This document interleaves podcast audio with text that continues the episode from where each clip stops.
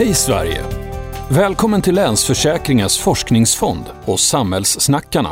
Vilka vi är som snackar och vad vi snackar om. Jo, vi kommer från både forskarvärlden och näringslivet, från offentliga sektorn och från civilsamhället. Och mestadels handlar det om samhället vi bor i, hur det fungerar idag och hur det kanske borde fungera lite bättre imorgon. Den gemensamma nämnaren är trygghet på längden och tvären. I det här avsnittet snackar vi bland annat om urbaniseringens konsekvenser och sätter bland annat fokus på frågan om visioner för landsbygden. Medverkande är Po Tidholm, journalist, författare och föreläsare samt Josefina Syssner, kulturgeograf och verksam som forskare och lektor på Linköpings universitet. Samtalet modereras av Annika Dopping. Eh, jag heter Po Tidholm, jag är journalist och författare och eh, har jobbat som sån sedan början av 90-talet. Och sen kanske mitten av 90-talet så har jag skrivit en hel del om stad och landfrågor. Och kanske allra mest om norra Sverige, för det är där jag kommer ifrån. Så att jag har haft ett ganska starkt fokus på liksom regional utveckling i norra Sverige. Mm. Eh, jag heter Josefina Syssner och jag är forskare, kulturgeograf på Linköpings universitet. Eh, och jag är särskilt intresserad av frågor som rör lokal utveckling. Eh, vad beslutsfattare uppfattar som utveckling och hur man vill skapa utveckling på olika sätt och hur man vill organisera sig för att skapa det som man uppfattar är utveckling. Och jag är särskilt intresserad av de här frågorna i områden som andra uppfattar som perifera.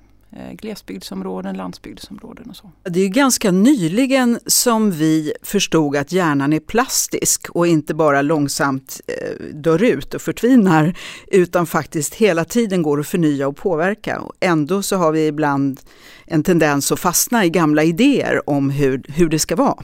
Eh, och om man då tar den absolut rykande eh, glödheta frågan glesbygdstänk och att tänka nytt hur vi kan få det att blomma. Om vi då börjar med hur har vi tänkt hittills i den gamla världen? Hur har vi tänkt då runt stad och land? Eh, ja, alltså jag tror att i Sverige så är liksom tänkandet kring regionalpolitiken hyfsat modern företeelse. Aha. Jag tror att vi hade eh, jag skulle säga egentligen kanske fram till 70, nästan 80-talet så betraktade vi nog liksom samhällsbyggande som någonting som vi ägnade oss åt på nationell nivå. Eh, vi byggde ett välfärdssamhälle och det gjorde vi i princip överallt. Det kan man se ganska tydligt när det gäller så stora språng eller tekniska landvinningar. Att det var stora nationella projekt som man genomförde. För alla medborgare? Ja, för alla medborgare oavsett var man bodde. Liksom. Så mm. kan man se så här journalfilmer liksom där Televerket rullar ut en kabel till liksom någon nomadfamilj på fjället i princip. Liksom, därför de skulle inkluderas i det här framtidsprojektet. Och det där var väldigt okontroversiellt. Det var liksom ingen egentligen som frågade vad det, vad, vad det skulle kosta. så att säga. Utan, utan det, det ingick i vår nation, liksom idé om, om, om nationen och välfärdssamhället. Så att det här med att eh, liksom hålla på att kompensera och balansera och eh, fördela. Det tror jag var någonting som vi kanske började med egentligen i samband med industrikriserna på 70-talet. Liksom när vi hade kriser i varvsindustrin och stålindustrin och eh, trävaruindustrin, massaindustrin och sådana saker. Det var då man började liksom titta på, oj, våra olika landsdelar eh, presterar olika bra och vi behöver göra någonting åt det på ett politiskt plan. Så då ägnade man sig åt det kanske egentligen fram till 90-talet när vi gick med i EU och det började blåsa andra ekonomiska vindar. Och sen dess har vi sett på det på ett annat sätt. Men, men, men det är en annan historia så att säga. Men så, så, så tänker jag på det lite grann. Josefina, hur ser du med dina forskarögon? Hur har vi resonerat? Jag tror att, att um människor resonerar väldigt olika beroende på vilken position de har. Mm. Eh, var de står någonstans och vilken utsiktspost de har.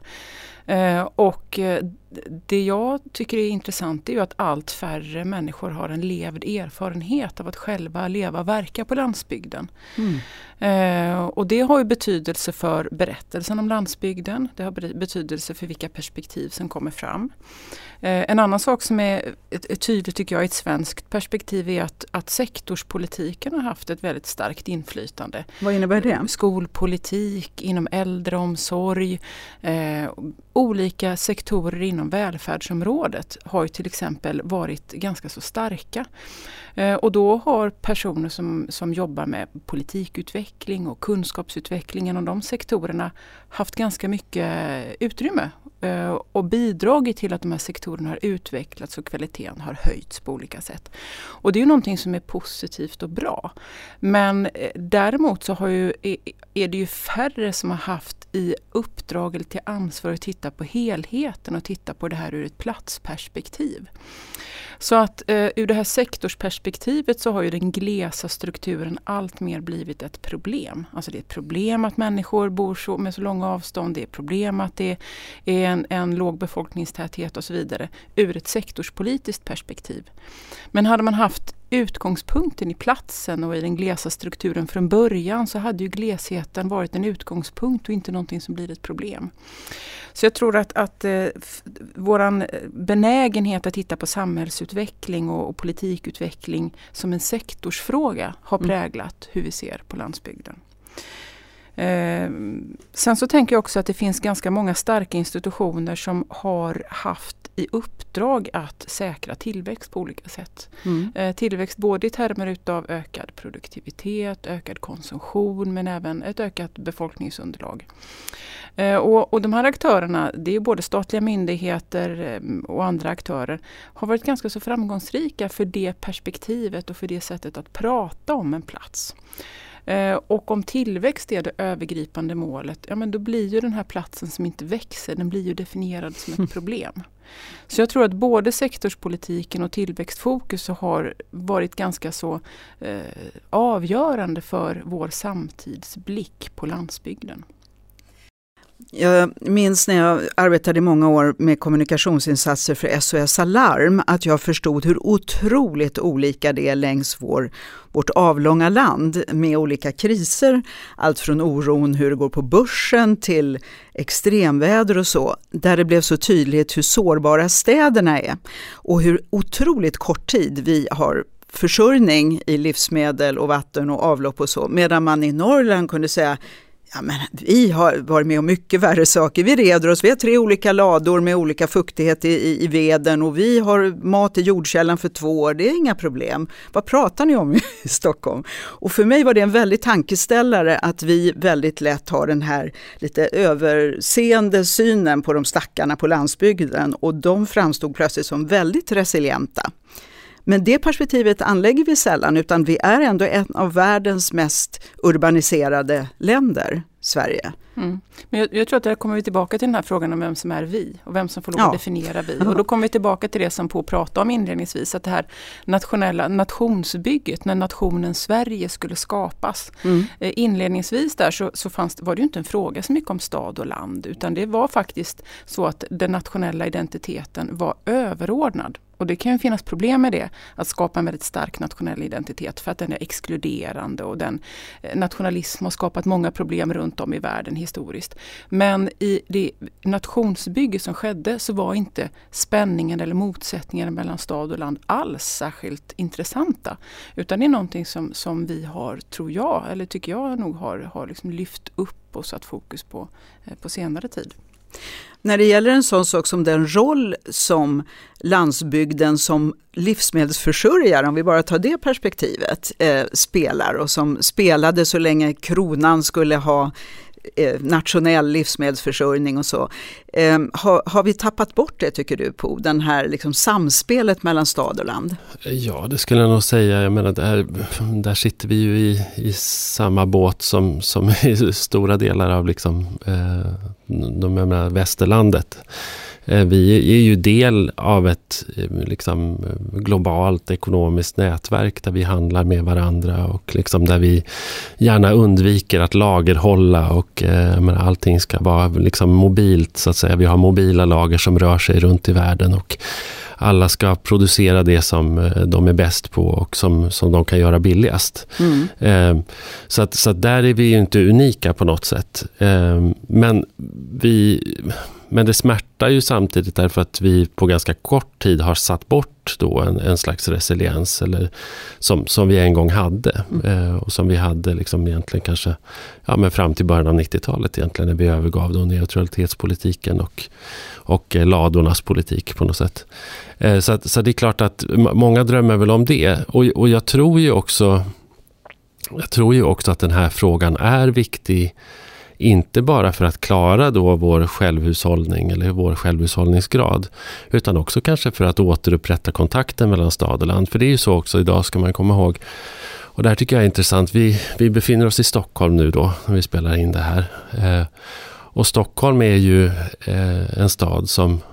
Alltså, Stockholm behöver inte resten av Sverige längre. Eh, och det tycker jag är en insikt som, som, som, som man får tänka på. Alltså, Stockholm har en industriproduktion tror jag på vad är det någonstans, eh, 6 procent eller så. Medan Jönköpings län till exempel har över 40 procent eh, sysselsatta i industrin.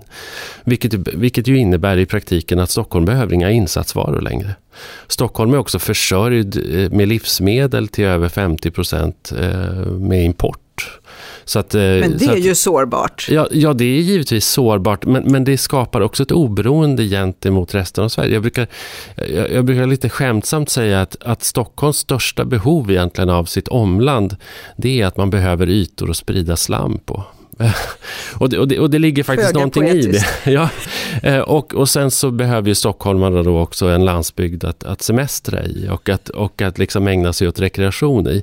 Men, men ekonomiskt sett så är Stockholm mycket mer sammanlänkat med andra stora urbana metropoler i världen. Och när Stockholm växer och det skapas tillväxt i Stockholm så är det inte säkert att det ger återverkningar i omlandet eller i resten av Sverige utan den tillväxten, Eh, de återverkningarna kan lika gärna ske i Frankfurt eller Shanghai. Eller det är faktiskt mer troligt i den här globala kontexten att tillväxten sker på de platserna istället för Eskilstuna eller i Karlstad eller Hagfors eller så. Så att eh, det måste, det måste man också tänka på. Och det här samspelet som en gång fanns då mellan städerna, inte bara Stockholm och omlandet utan alla svenska städer och dess omland. Det är ju brutet idag. Eh, man behöver inte sitt omland på samma sätt. Och det gör också att man kan tror jag, bedriva en lite mer hänsynslös politik. Eh, och det, det, det, förändrar ju politikproduktionen. Så, att, så där finns ju stora poänger i att återupprätta det här sambandet och faktiskt försöka kanske då skapa mera lokala marknader med lokal produktion och sådana saker. Men, men det, är också, det är också väldigt svårt i den här globala ekonomiska kontexten. Fast det handlar väl också om hur stor lins man har. Om man säger vi är Stockholm eller vi är Svealand eller Sverige eller Norden eller Europa. Alltså det, det, är ju verkligen inte givet vilken gräns man har. Även om du säger att Stockholm nu betraktar sig som någon sorts självständig enhet eller oberoende. Vad, vad tänker du Josefina? Nej, men jag tänker att den frågan är, är, är helt relevant. Alltså hur ser beroenden ut mellan olika aktörer? Mm. Mellan företag, mellan kommuner, regioner, marknader och så vidare. Och då ligger det väldigt mycket det att, att, att de stora städerna är ju inte alls på samma sätt beroende av sin nationella, sitt nationella omland eller sin nationella periferi eller landsbygd som tidigare. Eh, även om vi befinner oss i en stad, vi är ju naturligtvis beroende av att det finns en livsmedelsproduktion.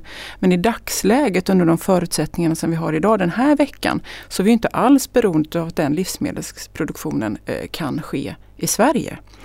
Eh, på den svenska landsbygden utan vi är beroende av en, en livsmedelsproduktion som sker på andra ställen i andra delar av världen. Eh, och tar man tillbaka det då till ett resiliens eller hållbarhets eller sårbarhetsperspektiv så är det naturligtvis eh, jätteproblematiskt. Mm. Men sen så tänker jag också, och Po var inne på det, att, att det riskerar ju också att vad ska man säga, underminera den här mellanplatsliga solidariteten. Därför att om, om det inte i dagsläget och inte under överskådlig framtid finns något behov utav någon landsbygd, så varför ska man då hålla den under, under armarna? Eh, om dess enda syfte är att vara en rekreationsplats.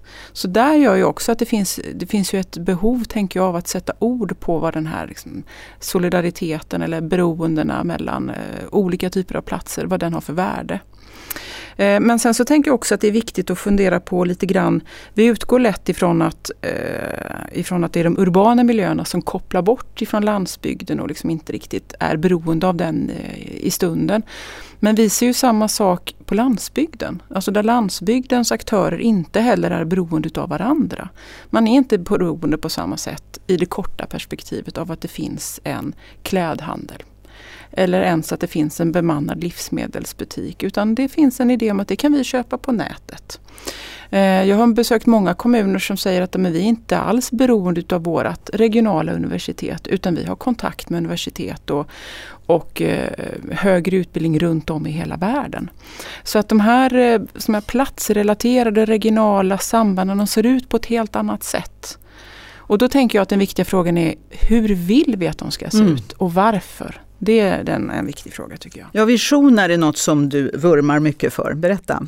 Ja, jag, jag, tänker att en vision, det, jag brukar tänka att det handlar om både en idé om hur vi tycker att samhället ser ut just nu. Det, det vilar på någon slags idé om vad vi har för nuläge. Mm. Och det vilar på någon slags idé om vart man vill, vad som är viktigt, vilka värden man verkligen kan eh, bottna i. Och också en idé om hur man ska ta sig dit. Eh, och jag tror att det är otroligt viktigt att prata om vad är det vi vill någonstans. Mm. Inte bara prata om vad råkar vi vara nu eller vilka omständigheter som är det som har lett hit utan också tillsammans sätta ord på vad är det för mål vi har, vad är det för, någon, för läge vi vill sträva emot. Och då är det jätteviktigt att komma ihåg också att en vision är ju inte någonting gott bara för att det är en vision. Det kan ju finnas visioner som är djupt problematiska. Mm. Så att jag, jag efterlyser verkligen en visionär diskussion. Vad vill vi att samhället ska ta vägen? Och är det så att vi har fastnat i en lite kvantitativ och linjär idé om att storlek är, är, är liksom ett självändamål eller tillväxt ska på något sätt vara ett villkor för framgång? Ja, här tänker jag dels att, att, att, eh, tillväxt har varit den stora övergripande visionen som har styrt väldigt mycket över eh, både vilka politiska verktyg som har varit rimliga och hur målbilder har sett ut. Men sen så tänker jag också att det finns, vi har haft en, en vision som har återigen då varit väldigt sektorsorienterad. Vi vill ha en otroligt bra skola, vi vill ha en fantastisk vård, den ska vara i världsklass och så vidare. Eh, och det, jag säger inte att det är fel, men det får konsekvenser för de platser som har svårt att uppnå de målen. Mm. Eh, Ja, för jag, alltså, jag känner hur du bubblar. Ja, ja. Nej, men, eh, ja, nej, men jag tycker ju också att visioner har ju, vad ska man säga, alltså en, en social, kulturell, politisk betydelse. Och, det, och det, det, ser vi ju också, alltså vi såg det i vårt senaste val till exempel. Och vi har sett det egentligen i alla avgörande val de senaste åren i, var, i vartenda västland.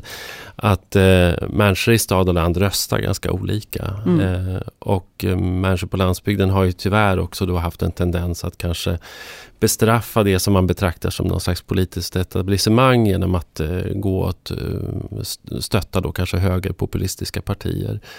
Eh, eller Trump eller så. Mm. Och här, här har ju geografi en väldigt stor betydelse. Och det här handlar ju om eh, också att protestera mot bristen på visioner som inkluderar just mig på min plats. tror jag.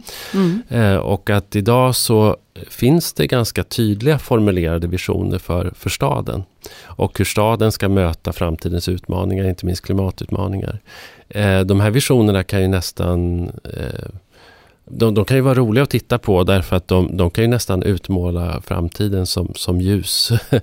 Nej, men det, det, det, blir nästan lite ironiskt därför att framtidsvisionerna som inbegriper staden, där, där är ju liksom då eh, Eh, framtiden efter klimatapokalypsen eh, ser nästan mer lockande ut än, än nutiden.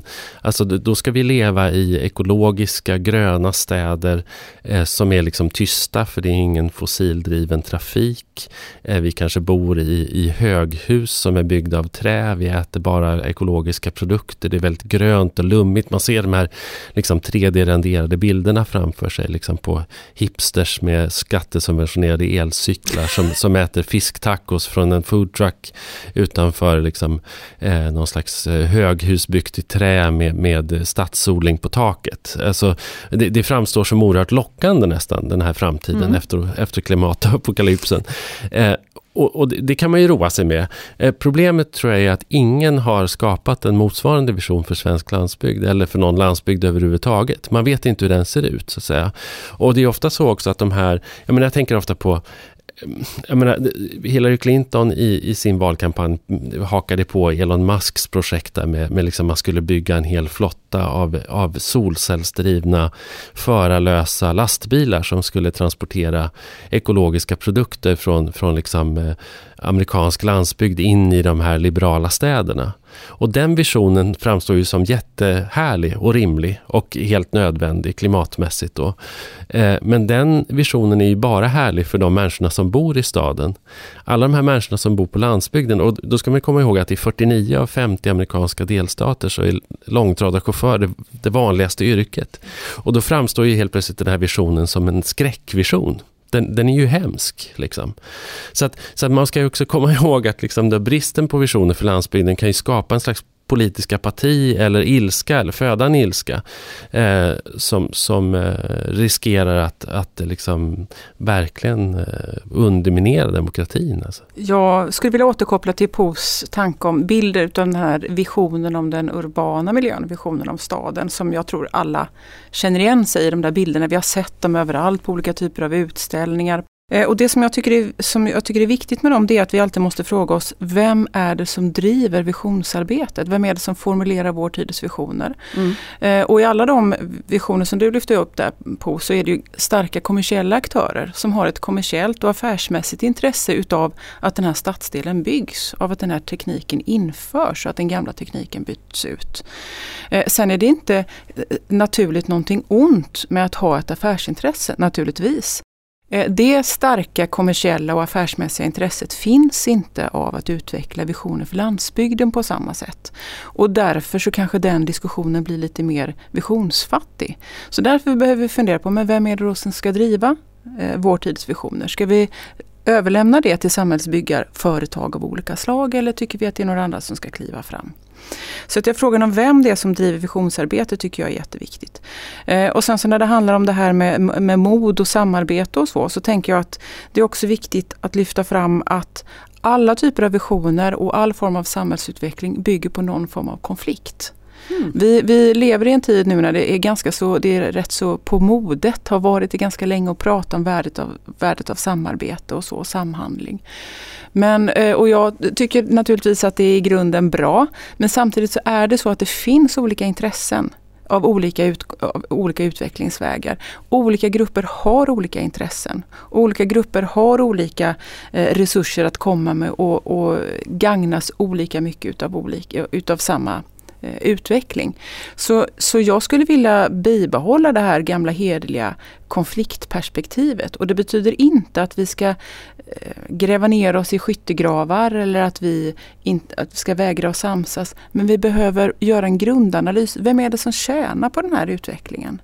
I vems intresse är det att den här utvecklingen går åt det här hållet? Eh, för, så att vi inte hamnar i ett läge där vi tror att alla alltid tjänar på allt. För, för det stämmer inte. Pum. Det finns saker som man inte pratar om i Sverige. Eh, och, och, och, då syftar jag inte på invandringen eller så som det är populärt att säga att man inte får prata om. För det pratar vi jättemycket om. Utan. Men vi, vi pratar inte särskilt mycket om ekonomi och hur ekonomi egentligen fungerar. Eh, alltså till exempel så finns det ju vissa sätt som marknadsekonomin eller, om man, eller kapitalismen eh, om man så vill eh, fungerar på. Mm. Och eh, marknadsekonomin har inbyggda centrifugalkrafter. Det är helt enkelt så att jag menar, pengar söker sig dit där pengar finns. Det finns inte en nationalekonom av någon politisk liksom, kulör som skulle förneka att marknadsekonomin fungerar på det sättet. Men av någon anledning eh, så blir det en upphakning här när vi pratar om stad och land. Eh, det är ofta så faktiskt att, att man tror att marknadsekonomin är lösningen även för, för liksom stad och land-problemet. Eh, eh, och, och det, det, är den inte. Det, det, går liksom inte att lösa vårdproblematik i Västerbottens inland genom, genom fri etableringsrätt till exempel. Det går inte att få bättre kvalitet på skolorna i, i Värmland eh, genom, genom friskolereformer. Det, det, är liksom inte så det går till. Det går inte att bättra på den kommersiella servicen eller, eller brister i infrastrukturen. Utan där hjälper bara politik. Men av någon anledning så, så har det här blivit väldigt svårt att prata om i Sverige. Därför att det är av någon anledning också då väldigt svårt att kritisera marknadsekonomin. Det är nästan som att vi tror på den som ett värdesystem, att den är ofelbar. Och att, och att varje kritik av, av eh, liksom marknadsekonomins brister blir, blir väldigt svårhanterliga. Och det här märker jag som en, det här, upp, det här uppfattar jag verkligen som en låsning i svensk regionalpolitik. Att vi har väldigt svårt att hantera den dimensionen. Eh, jag genomförde ett projekt förra året eh, inför valet. Jag åkte runt i hela landet och eh, föreläste och höll i debattkvällar med lokala, regionala och nationella politiker runt om i hela Sverige. Och det intressanta med det här är ju att den här konflikten då, den som Josefina pratar om och som jag tror är viktig, mm. den finns ju på alla nivåer. Mm. Eh, men är liksom på något sätt väldigt svår att verbalisera. Vi har på något sätt också tappat språket för att prata om det.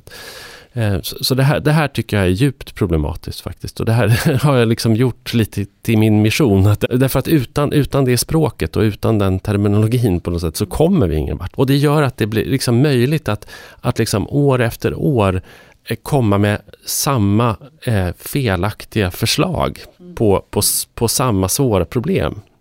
Så det är både en fråga om vilket utgångspunkt man har i sin syn, om man liksom har sin egen referensram till typ storstad som utgångspunkt. Det handlar om vidden i hur, hur, mycket viet, hur stort viet är. Det handlar om vilka, att man har ett och samma verktyg som man förväntar sig ska lösa alla problem och avsaknad av, av visionära bilder ja, och det, och det, är en olycklig politisering. Alltså, jag, jag, tycker att man kan prata om det här. Menar, om, om, vi tittar på apoteksreformen då kan man ju konstatera att ja, vi har fått 450, nästan 500 nya apotek i Sverige sedan apoteksreformen genomfördes. Vi har fått eh, apotek med, med bättre öppettider, annat utbud, jättemycket olika hudkrämer dygnet runt i princip. eh, men vi kan också konstatera att att nästan alla av de här apoteken har öppnat där det redan fanns apotek. Mm. Du har inte öppnat ett enda nytt apotek där mm. det inte fanns ett apotek redan. Eftersom det här var en marknadsliberal reform. Och då kan man ju konstatera att ja, eh, det här var en lyckad reform för förtätade områden i Sverige. Där har man tillskapat arbetstillfällen, man har skapat vinst i nya företag eller gamla företag eh, och man har skapat mer flexibilitet och mer tillgänglighet. Men vi har inte löst medicinförsörjningen eller tillgängligheten på, på, ett nationellt plan. Och det här måste man kunna prata om. Mm. Men det, vi kan inte prata om det därför det har investerats så mycket i den politiska modellen. Och Det tycker jag är en olycklig politisering. Men nu pratar vi förvisso om den. Och, ja. och du Josefina, du, vilka ödesfrågor ser du då i de här perspektiven? Att vi kanske har haft denna övertro på att det här kommer kapitalet att lösa och inte haft det inkluderande perspektivet. Vilka ödesfrågor finns det då för glesbygden? Eh, jag tror det är viktigt att upprepa det där att vi ingår i samma paradigm. Vi tänker med samma tankefigurer. Vi har precis som Po sa samma typ av språk, vi har samma typ av ord. Vi, och, och då ingår man i den här gemensamma tankefiguren eller i det här gemensamma paradigmet där vi utgår ifrån att vi har en marknadsliberal ordning där eh, kvalitetsutveckling och effektivitet inom de olika sektorerna är de övergripande värdena. Då blir det väldigt svårt att tänka någonting annat därför att vi har inte språk för det. Eh, så, att, så jag tror att det är otroligt viktigt att just börja fundera på men vad är, vad är fundamenta i samhället? Hur vill vi att samhället ska vara organiserat i grunden? Och förhålla oss lite kritiska till det. För att så länge det inte finns ett språk för hur samhället skulle kunna vara organiserat eller för hur vi skulle kunna närma oss problem så är det jätte, jättesvårt för den enskilda fritidspolitiken i den mm. lilla kommunen eller för den enskilda tjänstepersonen att komma med någonting revolutionerande nytt. Och jag skulle vilja säga att det finns en, en tendens eh, i samhället, i, i Sverige, även i andra delar av världen, att vi tänker på, på förnyelse i termer av innovation. Mm. Att vi ska behålla strukturerna. Vi ska behålla maktbalanserna. Vi ska behålla hur samhället är i grunden strukturerat. Och inom det här systemet, inom det här paradigmet, så ska vi hitta på någonting som är lite mer effektivt. Mm, som gör att mm. den här medicinförsörjningen funkar lite mm. bättre. Eller som gör att, att lärarna kan jobba lite bättre och lite mindre administration och så vidare. Men jag tror att vi behöver, vi är några som behöver ta ansvar för att fundera kanske inte på de här små inom... Lite mer revolutionärt? Ja, lite mer samhällskritiskt till hur samhället är organiserat idag. Finns det någonstans där det finns fungerande visioner för landsbygden som du kan lyfta fram? Jag skulle säga att jag har ju tittat på hur de politiska partierna skriver och pratar om, om landsbygden och jag skulle säga att de inte är en källa till nytänkande i de här frågorna. Eh, och, jag, och det finns vissa spirande rörelser som har utvecklat ett eget språk för omställning till exempel. Hur mm. samhället ska kunna organiseras, vilka demokrativärden man lyfter fram och så. Och jag tror att det kanske åt det hållet man får lyssna lite grann.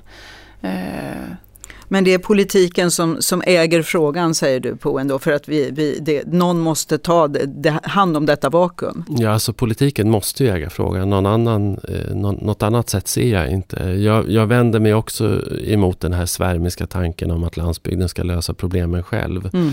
Jag, jag, blir ganska provocerad av, av den här idén, liksom, av, av, den här synen på landsbygden som någon plats där, där civilsamhället har överlevt och där ideella krafter liksom eh, fattar varandras händer och, och, och, löser stora samhällsproblem.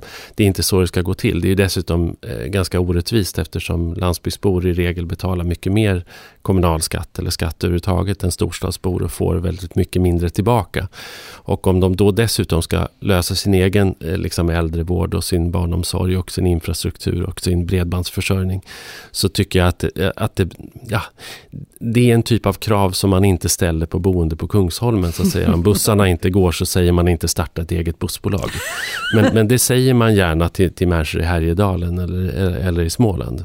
Men, men finns det några länder då, om vi säger, vi, Norge brukar ju lyftas fram att mm. där har de förstått att, värna om den här ändå väldigt, alltså vi, tror, vi glömmer ju ibland bort att vi är biologiska varelser som behöver eh, mat och vatten och tänker det kommer alltid gå att importera kött från Brasilien eller burkar från Kina och inte liksom har en förståelse för hur sårbart det är där. Och så säger man att Norge är bra, är det de vi ska titta på? Mm, alltså, ja, alltså Norge har ju ett antal bra lösningar skulle jag säga. Skyddstullar till exempel är ju ganska effektivt ja. Eh, för att upprätthålla liksom, eh, självförsörjningsgraden. Det kan ju inte vi, det kan ju inte vi ha i mm. Sverige som är, vi är medlemmar i EU. Mm. Så att vi har, ju har vi på, avhänt oss ett, ett viktigt ja, verktyg? Ja, det har vi. Sen, sen, tycker jag att de har också en mer eh, progressiv eh, liksom, fördelningspolitik också mellan, mellan stad och land som, som jag tycker att man kan titta på. Eh, många tror ju att liksom, den norska modellen bygger väldigt mycket på oljepengar eller på lokala skattebaser och så. Men det handlar faktiskt ganska mycket om omfördelning också. Hur är det med Finland? Har vi något att lära av dem? Ja, det tror jag också. Jag vet inte. Jag är inte superexpert på Finland.